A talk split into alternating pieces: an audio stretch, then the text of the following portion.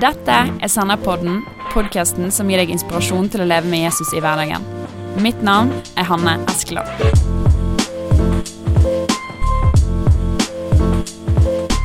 Ja, da er vi i gang. Ja.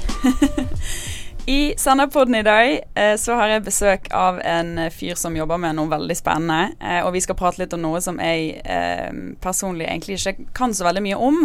Og det er forfulgte kristne. Og velkommen, Ole Petter Livden. Tusen takk. Veldig kjekt å ha deg her. I like måte. Det er bra å være her. Eh, ja, så bra. Eh, før vi begynner, kanskje du bare si litt om deg sjøl, for folk som ikke kjenner deg. Jo, veldig kort. eh, Jeg er en glad gutt fra Arna, rett eh, øst for Bergen. Yes, to bergensere i poden i dag, Ja, det er veldig bra. kanonbra. jeg har to ganske voksne barn etter hvert, 19 og 22. Ja. Eh, og jeg jobber i Åpne dører. Jeg er jo gift med, må ikke glemme konen min, Katarina. Vi har vært gift i 25 år. Eh, og jeg kommer egentlig fra Arna, eh, og har jobbet der i Misjonskirken i en god del år før jeg begynte i Åpne dører, som arbeider med forfulgte kristne. Ja. Ja. Så eh, det er spennende å få lov å komme og prate med deg, Hanne, Mm. om eh, noe som jeg kan en del om, som du lurer på. Ja, Så får vi håpe at vi kan få en god prat. Ja, det er planen. Eh, og det er jo Det er veldig, veldig viktig tema. Og jeg tror òg at det er fordi at Jeg tror for veldig mange nordmenn så kan det bli litt fjernt. Eh, når man hører om, om kristne som opplever på en måte så fysisk og konkret forfølgelse som vi ikke kjenner igjen her. Og derfor så har vi lyst i Senderpodden til å belyse det og snakke om det, for det er kjempeviktig. Men eh, jeg vil jo bare spørre òg, hvorfor, hvorfor har du egentlig valgt å jobbe med dette her? Ja, så det, var, det er jo et spørsmål som eh, Det høres veldig åndelig ut, men det var faktisk sånn eh, han, at jeg, eh, jeg hadde aldri tenkt å arbeide med dette. Mm. Men det var faktisk sånn at Gud han talte veldig tydelig til meg om at eh, dette skal du gjøre, Petter. Så jeg opplevde et kall, rett og slett, fra den tjenesten jeg sto i, til å ta et steg inn i, eh, inn i åpne dører. Eh, så, det er, så historien det er på en måte et vitnesbyrd for seg sjøl, for min egen del. Ja, kult. Eh, så det er litt spennende. Så jeg opplevde egentlig at eh, det var et område som gikk inn i som jeg kunne lite om for et par år siden.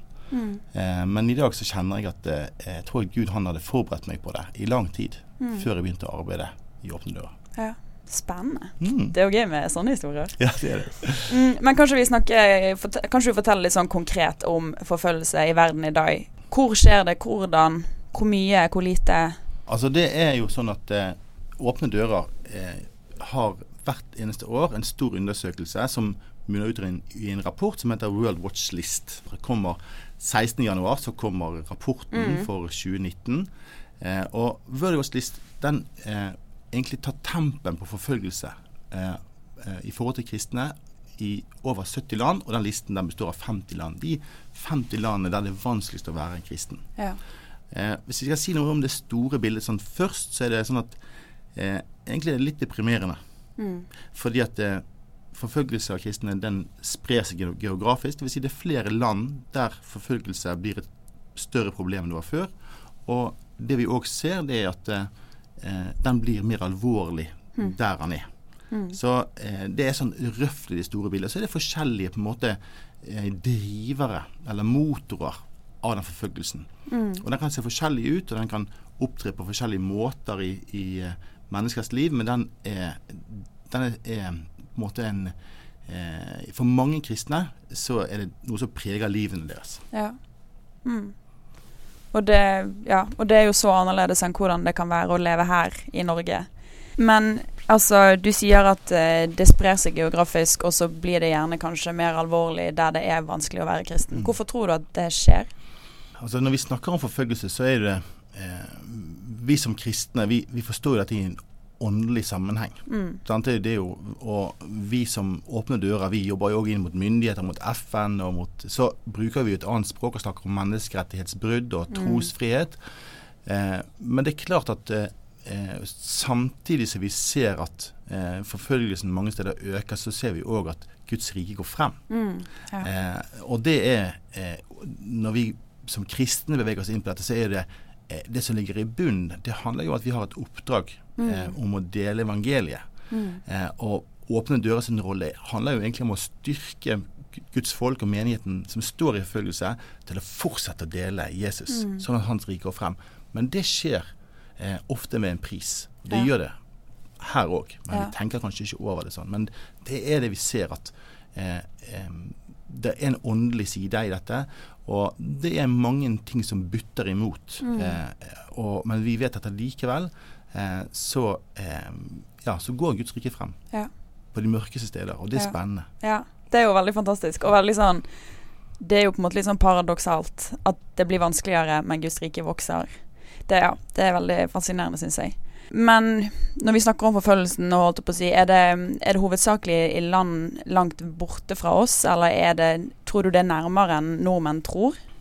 Jeg tror jo, altså, Hvis vi tenker på World Watch List, så er jo den sånn at hvis vi eh, hvis folk har hørt om 10-4-vinduet, altså mm. 10-40-vinduet, og hvordan eh, der, som det er mange andre problemer i verden, så er det faktisk sånn at vi ser at i mange av de samme områdene som det er andre utfordringer, så er også forfølgelse et problem. Så vi ser jo et, et, hoved, et belte som på en måte går gjennom Afrika mm. eh, og inn i Asia og gjennom Asia, eh, som der forfølgelsen er stor. Men også i Kina, i Sentral-Asia mm. og også i eh, områder inn i Russland, så er det utfordrende å være eh, en kristen. Men så tenker vi gjerne ja, men det er langt borte. Men så vet vi også at det er kristne i Europa, også i Norge, som eh, kommer fra kulturer der det er det å eh, bli en kristen, det medfører sanksjoner. Mm. Eh, en undersøkelse som har gjort det både i Tyskland og også i Sverige, viser jo at kristne på asylmottak har opplevd forfølgelse og opplever forfølgelse. Og Det kan mm. vi òg regne med at det skjer i Norge, det vet vi at det gjør. Ja. Eh, så når vi snakker om forfølgelse, så tenker vi ofte på vold, press. Mm. Eh, og det forekommer også i Norge, kanskje i miljøer er mer, der det er mer skjult. Ja. Eh, men det er jo Vi begynte å snakke litt om at det er en åndelig side ved dette. Og det er akkurat som at det er to strategier den onde bruker mot Guds folk. Mm. Og det er forførelsen og forfølgelsen. Ja.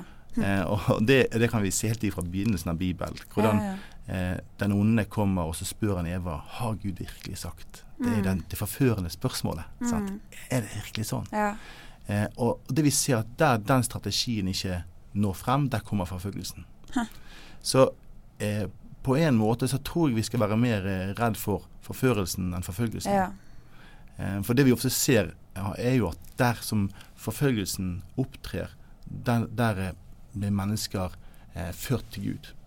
Hm. De som opplever forfølgelse, de opplever òg en avhengighet av Jesus i sin ja. hverdag. Ja. Men kanskje vi som lever i frihet, som opplever alle disse relative spørsmålene mm. eh, Vi opplever at den tar oss bort ifra Gud. Ja. Er det så nøye da? Mm, ja, ja. Alle de her ja, tingene. Vi, og vi har alt vi trenger sånn materielt sett, og da trenger vi egentlig Gud, på en måte sånn type ting. Ja, sant. Ja. Og dette er jo så, så, det er jo på en måte å eh, viktig å ikke tenke at det er liksom et voldsomt skille mellom de kristne som lever der, og vi kristne som lever her, ja. men at vi er eh, hele Guds folk er utsatt for denne eh, historien i kampen, men den ser mm. forskjellig ut. Eh, og den er krevende, eh, selv om man ikke nødvendigvis er voldelig eller fysisk. Ja. ja. det tror jeg er sant. Det tror jeg er veldig viktig. Men hva du reiser jo litt, eh, mm. og du har jo bl.a. fortalt eh, før vi begynte her at du, det er ikke så lenge siden du var i Irak en tur. Mm. Kanskje du forteller litt sånn de folkene du møter og det du ser, hva, ja, hvordan er det? Ja, jeg var så heldig jeg fikk lov å, å reise i uh, en ukes tid i Irak i, i desember. Uh, og det var uh, i de områdene som IS bare for et par år siden besatt. Og mm. ja, vi har akkurat hørt fredsprisen eh, som også ble gitt til, eh, til, inn i dette arbeidet blant jesidiene. Mm. Og dette er et arbeid som vi eh, kjenner veldig godt. Eh, og i, i, de samme områdene er det sterkt å komme inn og møte menneskene som har flyktet, som har opplevd overgrep, og som eh, kjemper for sin tilstedeværelse. Og det er mm. 100 000 kristne i dette området som måtte flykte hals over hode fra IS. Sterke historier eh, om ja, det er mye smerte, det er mye, mye tap, men mm. samtidig er det utrolig mye tro. Ja. eh, og hvordan eh, midt i alt dette kaoset, der alt som på en måte, alle strukturer ristes måte, ja. fra hverandre, så gjør Gud noe nytt. Hm. Eh, og, og, det å møte eh, de som jobber med traume, det har gjort et stort inntrykk på meg. Ja. Da jobber de med måte folk som har måttet flykte og opplevd sterk forfølgelse, som sitter igjen med traumatiske ja. Og. Det, det, jo, ja, det kan jo være de som har opplevd både voldtekter og, de, mm. Eh, og fangenskap. Det er òg tap, og ikke minst angst. Mm. Frykt. Eh, mm. og eh, det vi ser f.eks. når familier må flykte. Eh, når far Det er ikke arbeid. Er, eh, ikke, ikke, du har ikke, har ikke hjemmet ditt, du har ingen av eiendelene dine, du har ikke skole for barna dine. Mm. Og alt det presset det medfører inn i familier, så er det å jobbe med hele mennesket er utrolig viktig. Å hjelpe folk å ja. bygge livene sine igjen. Ja, det er sant. Eh, og en av de tingene som er viktig, det er òg at eh, det holder ikke å bygge opp måte, de ytre tingene som hus og arbeidsplasser igjen, men det, må, det, er liv som må bygges opp igjen. Mm. Eh, sår som må leges. Og der å se hvordan, eh, hvordan Gud gir håp inni det, mm. det er sterkt. Ja. Jeg, jeg, møtte en, eh, en, eh, en, prest, Aram heter han, mm. og som jobber med traumearbeid i en av disse landsbyene som, var, som ble overfalt av IS. Det var det et av en av disse landsbyene som man trodde var trygg. Ja. Men så en morgen klokken fem om morgenen så eh, bare ble byen overmannet av IS, og de styrkene som skulle holde den igjen, klarte ikke å, beskytte byen. Mm. Så folk rømte derfra uten noen ting. Mm. Eh, og hvordan de i dag så jobber de med å måtte bygge livene opp igjen. Eh, og, og fikk være sammen med han en, en dag og kjøre rundt i bilen i, i Telskuf, den landsbyen som han kommer fra, og se hvordan det ser ut, og høre historiene. Eh, og så utpå dagen så eh, begynte vi å snakke om disse jentene som har blitt gravid. Mm. Og som eh, etter voldtekter fra IS, og ah. all den smerten som det medfører. Mm. Eh, og så, så, begynte, så smilte han. Men se her, sa han. Så begynte han å bla på iPhonen sin nedover. 'Du må se her!' Mm. Og så tok han frem et bilde av en, av en liten baby i julenissedrakt. og så 'Denne jenten her!' Eh, hun er kommet til et kristent ektepar som adopterte henne, de elsker Hun kommer til å vokse opp omgitt av kjærlighet. Mm. Så bare lyste det ansiktet opp mm. til, denne, til, til, Aram, og jeg bare kjente bare hvordan Det var et sånn hellig øyeblikk. Ja, ja, ja. ja og, og, fordi at det er midt inne i det mørke, mm. så, eh, så, er det håp. Så er det mm hvordan noen som strekker sin eh, kjærlighet eh, til, det som, til det barnet som mm. er både farløst, og den moren som er i en utrolig vanskelig situasjon. Mm. For det er også sånn at selv om IS er vekke, så er det familier som eh, har vanskelig for å akseptere disse barna. Ja. Sikkert masse skam. Og, ja. Mm. Det, det, er veldig, og det er også i kristne eh, familier og, så er dette en utfordring. Mm. Eh, men se på en måte at det er håp. Mm.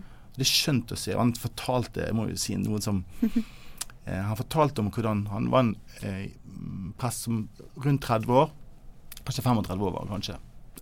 Eh, så fortalte han hvordan eh, dette, hva det hadde gjort med han å gå gjennom den tiden. Mm. for han personlig? For han som, og som prest. Mm. Eh, så sa han at Eh, før, når kom, noen kom til meg og hadde mistet et barn, så lyttet jeg på dem og ga dem noen råd og ba for dem. Mm. Og så var jeg prest og litt profesjonell. Mm. Men denne tiden med traumearbeid og alt det gjort, den har tatt meg til et helt annet sted. Mm. Det å måtte virkelig lytte på dypet og bringe Gud inn i, inn i, inn i med hans legedom, hans ord. Bringe mm. det, eh, og, virkelig og se hvordan denne mannen som kommer fra en helt annen tradisjon, kristen tradisjon enn det jeg gjør, mm. men han var fullt, full av Jesu på en måte eh, barmhjertighet og nåde for de menneskene han møtte. Mm. Eh, og, og, og, se hvordan Gud kan bruke et menneske eh, til å bringe legedom. Mm. Det var utrolig sterkt. Ja. Så, så, det er noe Så midt i alt det vonde, så gjør Gud noe godt. Og det er, tror jeg eh, Det er noe vi kanskje vet sjøl også, men Gud, eh, når det står om, om at Gud vender alt til det gode for den som elsker Han, så det er lett å gjøre det si at ja, det er en sånn overfladisk ting. Men Gud kan bruke de vonde tingene mm. i livene våre ja. eh, til å gjøre noe vakkert. Mm. Eh, men det koster, men Gud kan ut ifra det stedet av smerte, så kan Gud vise sin gode til kjærlighet på en fantastisk måte. Mm. Og det fikk jeg lov å se. Mm. Og det er mange sånne historier. Det er en annen historie som eh, er jo òg at mennesker som eh, har mistet alt, der kan vi få lov å være med og hjelpe dem til å gjennom små lån til å bygge en liten en ny, ny framtid. Ja. Eh, og det er jo sånn du møter noen mennesker sånn, som bare har det ekstra giret. Sånn. Det er sånne gründerfolk. Ja. Eh, og eh, jeg møtte en dame som het Jacqueline i en, i en by som heter Dohuk. Eh, det er oppe i det Nord-Irak. Mm. Og i hennes familie så var det hadde hun en De var tre stykker i hennes familie. Det var alle som var i familien hennes. Mm. Det var en syk gammel mor, det var en funksjonshemmet bror, Mm. og så var det hun. Oi. Og så hadde de ingenting. Mm. Begynte på bar bakke. Og så fikk hun et, eh, et lån og startet en, en liten eh, en butikk. Og der i den butikken så trykket hun sånn transfertrykk på kopper og T-skjorter Ja.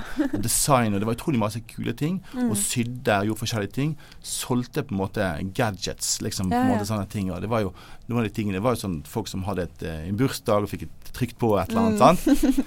Men eh, jeg fikk lov å se den søknaden hun hadde skrevet. Mm. Eh, og da så det på en måte Da spurte de henne ja, hvordan eh, vil du lykkes i dette. Eh, og det, det er på en måte eh, Jeg skal arbeide hardt. Og jeg skal gjøre alt det jeg kan for å lykkes. Mm. Og så fikk de komme inn noen måneder etterpå. Hun hadde fått hadde fått lån og kommet i gang, liksom. Og vet du hva? Hun fikk det til. Ja.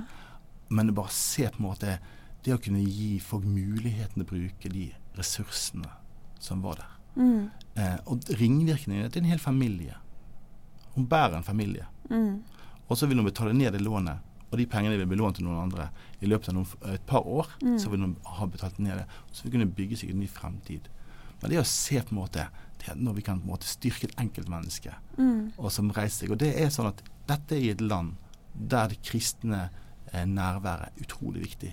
Ja. Hvis vi tror at et menneske bærer med seg noe av Guds rike inni seg, bærer med Mm. seg et nærvær av Gud, så er det faktisk at mennesker fysisk er til stede i Irak som kristne. Det er kjempeviktig. ja.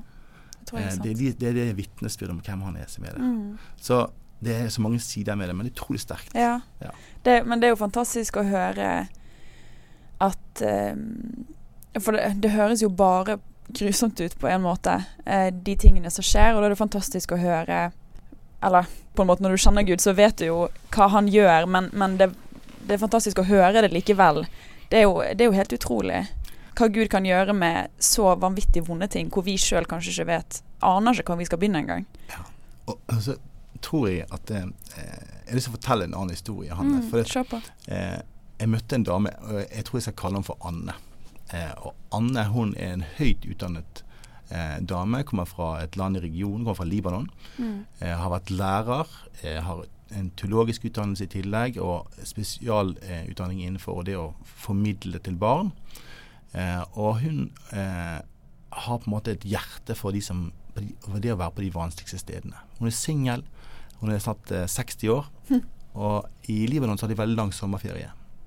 De har to og en halv måned sommerferie, så før en sommerferie så, så ba hun til Gud Gud, da må du bruke den sommerferien. Send meg til det mørkeste stedet du kan sende meg, så du kan, du kan bruke meg, og at det kan være lys for deg der. Og så begynte hun å lete på nettet. Så er det noe sted i Afrika de trenger meg? Det noe? Og så, dette var en fredag, på mandagen så fikk hun en e-post, eh, og det var fra Åpne dører, Mm. eh, om hun kunne komme til Irak. Eh, for de trengte hjelp til å trene eh, lærere som skulle jobbe med, med barn. Ja. Dette var før det brakte løs med IS. Oi. Og så, så når hun fikk den e-posten, så, så tenkte hun ja, dette er mitt Afrika, her reiser jeg. Mm. Eh, hun har vært der siden. Dette er syv år siden. Eh, og en av de tingene som, er med, som vi ser med, med historien til Anne, det er det at eh, eh, det er noen som har tro til Gud på de mørkeste stedene. Mm. Og når eh, vi vet, altså, jeg vet ikke om du husker bildene fra, fra Nord-Irak. de, Det var på en måte flyktningstrøm bakom. Folk sov alle steder. Det var på en måte Mm. i parker og på Ja, kirker. det. overalt var det sånn. Og her kommer Anne midt inn i dette. Og det de begynner å jobbe med, det er etter hvert å jobbe med traumebehandling av barn. Barn har masse angst og smerte. Mm. Og det er de, en av de tingene man bruker ofte på tegning. til hva Hjelpe barn å sette ord på sine følelser og tegne det ut. Hm. Jeg snakket med en, en annen søndagsskolelærer som jobbet mye med det. og sa at til slutt må vi ta vekk de svarte fargene, for det var bare smerte. Det var bare våpen. Det var bare Ja. Men uh, i dette bildet så er det Anne som bærer dette håpet i seg. Mm. Eh, og etter hvert, etter at de hadde jobbet mye med å, å bearbeide traumene, så begynte de å si Nå må vi hjelpe barna til å drømme. Hm. Og så uh, begynner så begynner en prosess der eh, en sammen med en del andre begynner å spørre barna hva drømmer du om å bli? Mm. Hva er det du drømmer om å bli? Mm. Ikke bare se bakover på det vonde, men også begynne å se fremover. Mm. Og det som skjer da, det er at plutselig så blir fargene i barnetegningene annerledes. Mm. Plutselig så er ikke det bare eh, IS-flagg og tankser og fly og bomber som fyller, og angst og mareritt. Men så begynner barna å drømme. Mm. Og så laget de en bildebok. Ja. Eh, og jeg har den bildeboken. ja, Ole Petter har funnet fram eh, et, en bok her med, med masse tegninger. Og, og der ser vi hvordan barn skriver I would like to be a doctor. Hmm. Jeg vil bli lege. Og, Og det er masse farger på tegningene, Ja, og masse lyse farger. Ja, det er altså fullt i farger. Mm. Og så ser du etter hvert måte hvordan håpet eh, plantes i barna. Mm. De får hjelp til å drømme seg fremover. Og det handler jo òg noe om at vi har en Gud som er håpets Gud. sant? Ja. det bærer med seg håpet inn på det mørke stedet. Mm. Og, det er jo så herlig, for det, eh, det er jo noen som vil bli beauty queen, selvfølgelig. sant? Det er jo alle de her. Det er barn, sant? Ja, ja. Og så er det noe som en, en eh, som er eh, en jente som er ti år. I would love to become a judge, to judge people fairly. Oi, Ja, flott. det var veldig modent. Ja, modent, sant. Det, men det er på en måte uh, I would like to be a policeman to defend people's rights. Hm. Det er en gutt på 13 år. Ja. Det sterkeste, og plutselig kommer håpet Mm. uh, og blir synlig. Og, og dette er på en måte å se hvordan Gud kan bruke og utruste noen spesielt til å være sånn som bringer håpet inn, inn i mørket. Ja.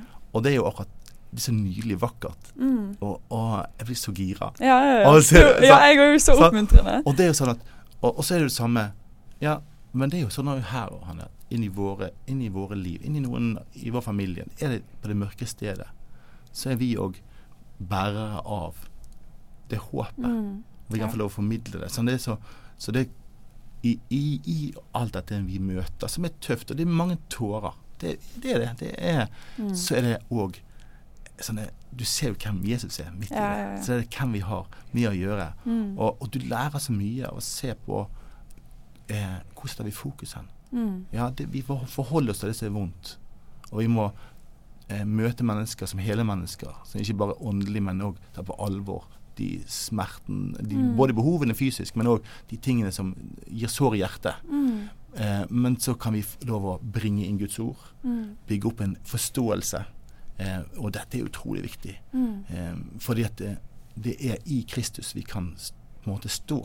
Eh, og gjennom Hans ord så gir det oss en forståelse av hvem Ja. vi er. sant? Ja, det er sant. Eh, og, og samtidig så kan vi få lov å være med å, å bringe inn håp. Utrolig spennende og Mm. flott. Ja, Ja, og- det er jo ja. Ja, det er helt fantastisk. Sitter bare og tar det inn. Men Bibelen snakker jo mye om å eh, Altså Bibelen snakker om å ha Jesus som forbilde som gikk gjennom sine lidelser, og vi på en Mm. måte skal, vi skal være utholdende vi òg, og vi må Mm. bare forvente på en måte at vi skal lide for evangeliet og alle mulige sånne ting. Mm. Hva tenker du dette Hvordan kan vi leve på denne måten med på en måte eh, Å på en måte forsone oss med det, og ikke la det eh, hemme oss, eller kanskje ta oss vekk fra Gud, hvis du skjønner? Mm. Jeg kan jo si, det, det er jo en sånn ting som eh, Jeg sa nå innledningsvis at jeg opplevde at Gud måtte forberedte meg eh, Mm. på den veien inn, i- inn i, i denne tjenesten. Eh, men at jeg lærte noen ting som egentlig handlet om, om det å gå gjennom tøffe ting eh, for hans skyld. Mm. Eh, og, og jeg tror det er en hemmelighet eh, i akkurat dette med lidelsens plass i våre liv. Mm. Eh, vi liker ikke å snakke om det, men jeg tror vi går glipp av veldig mange ting. Men Mm. en ting som, som er veldig så enkelt, som vi, vi, vi, vi forholder oss til, det er faktisk en tilgivelse. Ja. Det er en sånn kristen god dyd, sant? Mm. Da du var liten, sa mamma bare 'si unnskyld'. Ja, ja, sant? Tvang oss til tilgivelse. Men de, de viste oss noe. Og det å, det å tilgi, det er egentlig å la nåde gå for rett. Det er det det er. Mm. Det å si at det du gjorde mot meg som var galt, det tilgir jeg. Og hvis Mm. vi sitter en strek over det. Jeg tåler det. Ja. Sant? Det er Nå vil gjerne andre på en måte være jeg kan eh, være uenig med den måten jeg ser det på, men jeg tror at det er på en måte liksom det laveste nivået lidelse jeg tenker på. Det er når vi sier jeg tilgir deg. Jeg tåler det fordi, for, Mm. fordi at jeg tror at jeg skal få lov å tilgi. Sånn som Jesus har tilgitt meg, så Ja. tilgir jeg deg. Ja. Det er på en måte den laveste nivået der vi tåler noe som er urett mot oss. Mm. Eh, og, og når vi snakker om tilgivelse, så eh, Spørsmålet om tilgi Hvis ikke det koster oss noe, er det har vi noe å tilgi? Nei, kanskje ikke. Ja. Men sant, det er noe her. Men når det, når det, når det koster oss noe i hjertet vårt, Mm. å si jo, jeg, jeg tilgir deg Mm. eh, da, eh, Og det er mange sider ved det. Åndelig sett så vet vi at det bryter noen ting. Mm. Og det er mange, vi sitter, vi gir det til Gud. Ja. Sant? Eh, så, så den, eh, dette med å, å lide for Kristus, det kan ha mange sider. Ja. Ja. Eh, men jeg, jeg helt eh, Jeg må jo si at jeg har lest Bibelen annerledes etter at jeg eh, begynte å arbeide i Åpne dører. Si. For Bibelen er full av dette perspektivet. ja, faktisk. Ja. Eh, og, og, og for mange så er jo det eh, liksom Hvorfor Gud? Mm. Ja, hvorfor, hvorfor skal jeg møte alt dette ja. Ja. i livet mitt? Hvor er du hen, Gud? Mm. Eh, Det er typisk spørsmål Mm. som kommer når vi ikke vi har en forståelse som er riktig på et område. Og vi vet at mennesker opplever vanskelige ting i livet sitt, og derfor kommer man til slutningen og sier nei, Gud er ikke der. ja. Hvis Gud var god, hvorfor? Ja. Ja. Feil spørsmål. Hm. Feil forståelse av hva det vil si å følge Jesus. Eh, og, og det er også ofte i vår måte, vestlig materialistiske tenkning så er på en måte eh, det å være frelst, det å ha et godt liv, alle de tingene Mm. det er sånn, vi, vi kobler ja, vil, Gud oss, vil Gud at vi skal ha det bra? Ja, det gjør han. Men eh, vil han, eh, tillater han også at vi går gjennom vanskelige ting? Ja, det gjør han definitivt. Mm. Og det kan vi gå inn gjennom. se, se på Paulus. Det er jo på en måte eh, Han går gjennom alle disse vanskelige tingene. Ja. Eh, og, og han eh, Han på en måte igjen og igjen så på en måte underviser han om på en måte at eh, dette er normal. Ja. Dette må du forvente. Ja. Dette er en del av det å følge Jesus. ja. Sånn er det bare. Ja, sånn er det bare. Eh, og, og det å ha rikelig del av Kristi lidelse, hva i all verden er det for noe? Hva betyr det for noe? Men her er det hemmeligheter. Her er det hemmeligheter som er på en måte dype. Mm. Og, og, men en av de tingene som er viktig å, å forstå, det er at vi må i vår teologi så må, vi, må dette ha en plass. Mm. Eh, eh, fordi at vi får lov, sånn at vi kan eh, ha en rett forståelse av hva, hva det vi opplever, hvem er vår fiende. Ja. Eh, og vi jobber jo selvfølgelig med masse mennesker som opplever eh, forferdelige ting. Mm. Og det er ikke sånn at alle forfulgte kristne er modne kristne. Nei. Eller at alle forfulgte har supergod teologi. Mm. De er akkurat sånn som oss. Ja. ja, for jeg tror, jeg tror at jeg kan ta meg sjøl i å tenke at wow, de bare De har skjønt så mye mer enn meg, og hvis jeg var i deres posisjon, så hadde jeg aldri Jeg hadde sikkert feiget ut med en gang, Mm. men, men de bare De kjenner Gud på en annen måte. Altså, det er så lett å tenke sånn. Og, og, og det her er jo eh, Vi kan liksom sånn, vi kan idealisere dem som helter, Ja. og så blir de uoppnåelige for oss. sant? Ja. Wow! Sant? Mm. Ja. Men det er ikke sånn det er. Mm. Eh, vi, en av de tingene som Åpne dører gjør eh, måtte i veldig mange land, det er å trene mennesker å stå i forfølgelse. Ja. Vi har et, eh, et kurs som heter 'Standing Strong Through the Storm'. Vi har det også på norsk. Stå sterke i stormen-seminarer. Mm. Som gir på en måte en bibelsk respons på forfølgelse. Ja. Mye av det handler om identitet. Hvem er fienden vår? Hvordan er kampen? Hva er vår respons på Mm. Og her er jo på en måte Jeg tenker jo på eh, bergpreken sant? og saligprisningene. Mm. Les det med forfølgelse i tankene. Ja. Ta deg en runde hjem. Ja, ja. gjennom så vil du bli utfordra. ja. Eh, sant? Det å være salig når vi, når vi blir forfulgt og folk hater det, hva er det for noe? ja. Ja. Her er det noen hemmeligheter. Mm. Eh, og så tror jeg at Gud bruker også eh, eh, vanskeligheter og forfølgelse til å bygge karakter i oss. Ja. Det gjør han. ja. Det Ja. tror jeg stemmer. Eh, og et, et vers som for meg har på en måte Se det bare som en glede når dere opplever alle slags vanskeligheter. Dette her er fra Jakob første, første eh, kapittel. Mm. Det er sånn all verdens så er det en glede når dere opplever vanskeligheter? Jo, det er fordi at det er en ære å oppleve vanskeligheter for Jesu navns skyld. Mm. Og jeg har tenkt mange ganger på at det er litt som en, en tilbedelse i det å ære Jesus gjennom i vanskeligheter. Det kan du se inn i vårt vanlige hverdagsliv. Når jeg møter vanskeligheter, så kan det være det å stå og ta imot det eh, for han, altså, som en del av min tilbedelse. Ja. Eh, ikke at vi skal eh, oppsøke forfølgelsen, Nei. men det å ha et annet perspektiv inn i det. Mm. Tror det er utrolig viktig. ja, og på en måte kunne si til Jesus at dette, dette er jeg villig til for deg. Og, og for, i, i mitt eget liv så var det faktisk en sånn ting jeg gikk igjennom, der jeg opplevde noe veldig urettferdig, som var på en måte egentlig skjult. Eh, bar noe, eh, og jeg visste ikke hva vei jeg skulle snu meg. Mm.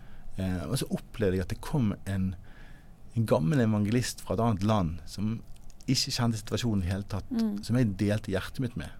Eh, jeg var på en reise i, i eh, et annet land, eh, og så spurte han hvordan jeg hadde det. Så fortalte jeg hvordan jeg hadde det. Jeg hadde det grusomt vanskelig. Og så sa han til meg at dette er prisen eh, for å stå inn i et lederskap. Er du villig? Mm. Og i et nu så forandret perspektivet seg. Ja. Jeg fikk en annen, annen forståelse av det jeg sto i. Mm. Og da var selvfølgelig ja, selvfølgelig er det. Mm. Og da forandret seg fra å være eh, en smerte som jeg ikke på en måte kunne eh, se noen funksjon av, Ja. til å bli en smerte som jeg eh, var villig til å betale. Mm. Og jeg kan jo si at eh, den hendelsen er den viktigste hendelsen i min, mitt, eh, i, i min vandring som kristen, som leder. Mm. Eh, og, og, når det skjedde, eh, og den måte historien ble fortalt, så tok Gud meg til Arna kirke. Der er det, der er det et, eh, en altertavle der Jesus sitter i Getsemane, og det kommer en engel Mm. med, med et beger til ham. Eh, og på det stedet så eh, er det sånn der jeg velger Jesus lydighet. Han Mm. velger å gjøre det far vil. Han får Ja, et valg. det, og det gjør vi òg. Er du villig? Kan dette begeret gå forbi? Mm. Og så tar han begeret. Og så er det egentlig smertens beger han tar. Mm. Eh, men han er villig. Og for meg så ble det på en måte en sånn lærdom. Ja, det er det begeret. Når vi møter de situasjonene i livet vårt, så kommer vi på det valget. Er du villig, Ole Petter, til å Er du villig? Mm. Men hvorfor er jeg villig? Jo, for det handler om å på en måte ta et steg nærmere inn i lidelsen. Ikke for lidelsen sin del, men for at jeg vil følge ham. Ja. Eh, og da er det vi, og disse tingene måte, Når vi tar det på en måte forfølgelsen fra det store, alle det komplekse vi ser rundt i verden, ned på det nivået, så ser vi at dette er akkurat det samme vi står i i våre liv. Ja. Ja. Vi kan kjenne oss igjen i det. Mm. Og da spør, Gud, jeg spør Faderen oss er du, er du villig. Mm. Er du villig? Ja. Og så sier jeg jeg er med deg. Så går vi sammen. Mm. Da følger han gjennom det. Mm. Da, og da dør vi litt. Ja. Det koster oss noe, men, men i det så, så gir Gud oss på en måte eh, sin nåde. Og det du sa i sted, han at eh, Du sier at det har jeg aldri klart. Mm. Men jeg tror det er en spesiell nåde for spesielle dager. Ja. For det står i Guds ord at sånn dagene skal styrken være. Ja. Og det tror jeg òg at på forhånd så sier vi nei, det kunne jeg aldri gjort. Jo, jeg tror kanskje vi kan det. Mm. Fordi at Gud er så god med oss. Han ser hva vi trenger. Ja, Før vi ber, så vet vi hva vi trenger. Sånn vet hva du trenger for i dag. Mm. Og så får vi lov å vandre Mm. med den eh, vissheten om at Gud han gir meg det jeg trenger. Eh, Ja, det er sant. ja. Et veldig godt perspektiv å ha. Mm. Dette er skikkelig sterkt, eh, Ole Petter. Jeg ble skikkelig rørt. Jeg. Ja, det er godt. Mm. Men vi, vi skal gå mot en avslutning. Men hvordan kan vi i Norge, da, som Ja, vi står i den samme kampen, men vi kan på ingen måte sammenligne vår livssituasjon med deres eh, i, med tanke på forfølgelse. Hvordan kan vi hjelpe? Ja, det er faktisk eh, ganske mye vi kan gjøre Mm. eh, for vår familie. Eh, for det, det vi, Guds ord snakker om at vi er ett legeme. Ja. Det er min familie. Så det er ikke sånn at de lider i Irak eller i Nord-Korea, som er det verste landet å være kristen i, Mm. men vi lider der. Ja, Du er er der. Det er din familie. Min Mm. familie. Det er utrolig sterkt. Ja, det er sant. Så det første du kan gjøre, det er bønn. Bønn er en nøkkel. Og gå til Gud. Så det første du kan gjøre, er hold deg nær til Jesus. Mm. Søk Han. Fyll deg med Hans ord. Eh, lev nær på Han. La Han få lov å gi deg et hjerte for de som er, lever i forfølgelse. Det er det første du kan gjøre. Mm. Så er det utrolig mange ungdommer som, unge voksne som hører på denne podkasten. Og en av de tingene jeg vil bare si til dere reis. Ja. Kom dere ut. Ja. Ja. Og livet ditt du blir garantert aldri det samme igjen. Mm. Eh, det går Vi har en reisetjeneste i Åpne dører. En av de verdiene vi har, som heter We are people to people people. Det handler om Det går ikke an å oversette det var norsk. det Ja, ja. Men det er på en måte, vi er et folk til folk-folk. Vi Mm. møter mennesker, og så går vi inn i det vi kaller for presence ministry. Mm. Det at jeg kunne komme opp og være sammen med Aram, Mm. det bare at jeg var der, det betydde utrolig mye for han og for meg. Mm. Men han sa det. Mm. At du er her. Det betyr utrolig mye. Mm. Du kan få lov å være den som kommer og sier du er ikke aleine. Mm. Du er ikke aleine. Gud har ikke glemt deg. Det betyr enormt mye. Ja. Reis. Vi har også, det er også steder i verden der det, vi eh, trenger kurere for å ta inn litteratur, f.eks.